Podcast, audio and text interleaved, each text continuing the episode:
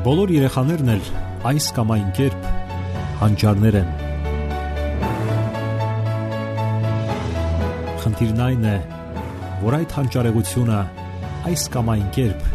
ի հայտ բերվի։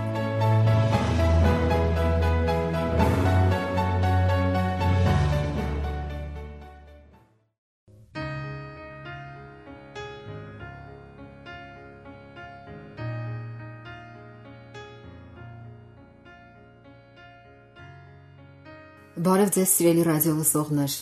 Եթերում դաստիարակություն հաղորդաշարն է։ Տասնամյակներ շարունակ ամոթ էր համարվում խոսել դեռահասների սեռական զարգացման մասին։ Մտածում էին, որ պատանիները մեծանալուն զուգընթաց ամեն ինչ կիմանան։ Սակայն կյանքը ցույց էր տալիս, որ նրանք այդ մասին գիտելիքները ստանում են փողոցից,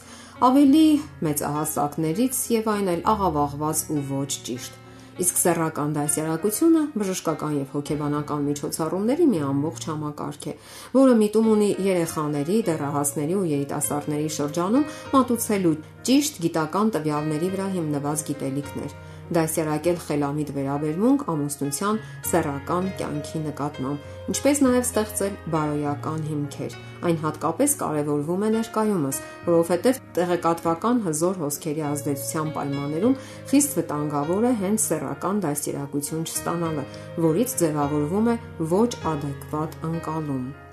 Երեխաների սեռական լիարժեք դասյարակությունը ներառում է մինչև սեռական հասունացումն ընկած շրջանը։ Այս փուլում կարևոր են ընտանիքը, նախադպրոցական հիմնարկը։ Նախադպրոցական տարիքի երեխաներին անհրաժեշտ է ծանոթացնել հիգիենայի տարական կանոններին։ Կարևորվում է նաև օրգանիզմի կոփումը։ Երեխաներին խնամելիս պետք է խուսափել էրոգեն կամ տարփածին գոտիները շփելուց, անհարմար նեղ հագուստ հագցնելուց։ Կարևոր է նաև ընտանիքում բարյացակամ, ջերմ վերաբերմունք ստեղծելը։ Մեծանալուն զուգընթաց երեխաների մոտ սկսում են հարցեր առաջանալ իրենց սեռի պատկանելիության վերաբերյալ։ Նրանք սկսում են հարցեր տալ ծնողներին կապված իրենց ծնվելու հետ։ Ինչպես են իրենք հայտնվել այս աշխարհում։ Այստեղ ծնողները հաճախ շփոթվում են, սկսում են խուսափել կամ սխալ պատասխաններ տալ։ Այնինչ հարկավոր է պատասխանել པարզ եւ մատչելի։ Հակառակ դեպքում երեխաների մոտ միայն աճում է հետաքրքրասիրությունը այդ նյութի վերաբերյալ։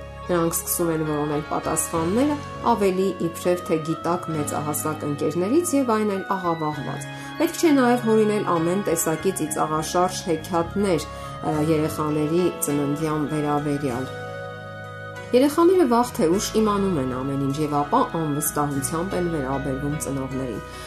Ասենք որ մեծահասակները պետք է լինեն խիստ ներփանկատ, հաշվի առնելով երեխաների օրգանիզմում տեղի ունեցող բարդ ֆիզիոլոգիական գործընթացները, փոփոխությունները, ինչպես նաև անհատական առանձնահատկությունները։ Եվ այսպես աղջիկները դեռահասային շրջան են մտնում հիմնականում 12-ից 14 տարեկանում, իսկ տղաները 13-ից 15 տարեկան հասակում։ Դեռահասների սեռական հասունացման սկիզբը համարվում է երկրորդային սեռական նշանների ի հայտ գալը։ Տղաների ձայնը կոշտանում է, սկսվում են առաջին ակամա սերմնաժայթքումները, ինչից նրանք երբեմն շփոթահար են լինում։ Աղջիկների սեռական հասունացման շրջանում նրանց հարկավոր է նախապատրաստել դաշտանին։ Մայրերը պետք է սովորեցնեն անձնական հիգիենայի կանոններ։ Ծնողները պետք է գիտենան, որ որոշ սեռային գծեր հնարավոր է ուշ արտահայտվեն եւ անհանգստանալու կարիք չկա։ Հարկավոր է այնպես վարվել երեխայի հետ, որ նրա վարքի առանձնահատկությունները համապատասխանեն բարոյական նորմերին, իսկ ընդհանրապես պետք է կարևորել բարոյական որակները։ Դա հարկավոր է անել ոչ թե բռնանալով, այլ հենվելով երեխայի ուժեղ կողմերի վրա։ Երեխաների մոտ պետք է զարգացնել հակառակ սեռի հետ բարյացակամորեն շփվելու ունակությունը, փորձելով մեղմել նրանց վարքագծի կոնֆլիկտային կողմերը։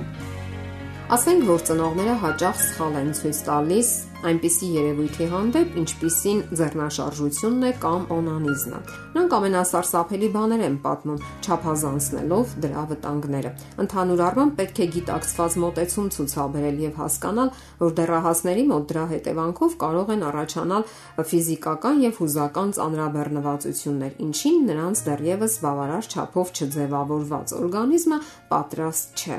Անցումային շրջանում դեռահասի հոգեբանության բնորոշ գծերից մեկը ինքնա հաստատվելու ձգտումն է։ Այստեղ եւս գիտակից ծնողից շատ բան է կախված։ Նրանք պետք է այնպես անեն, որ տղաների եւ աղջիկների մոտ ճիշտ ընթանա իսկական տղամարդ եւ իսկական կին հասկացությունների բյուրեղացումը։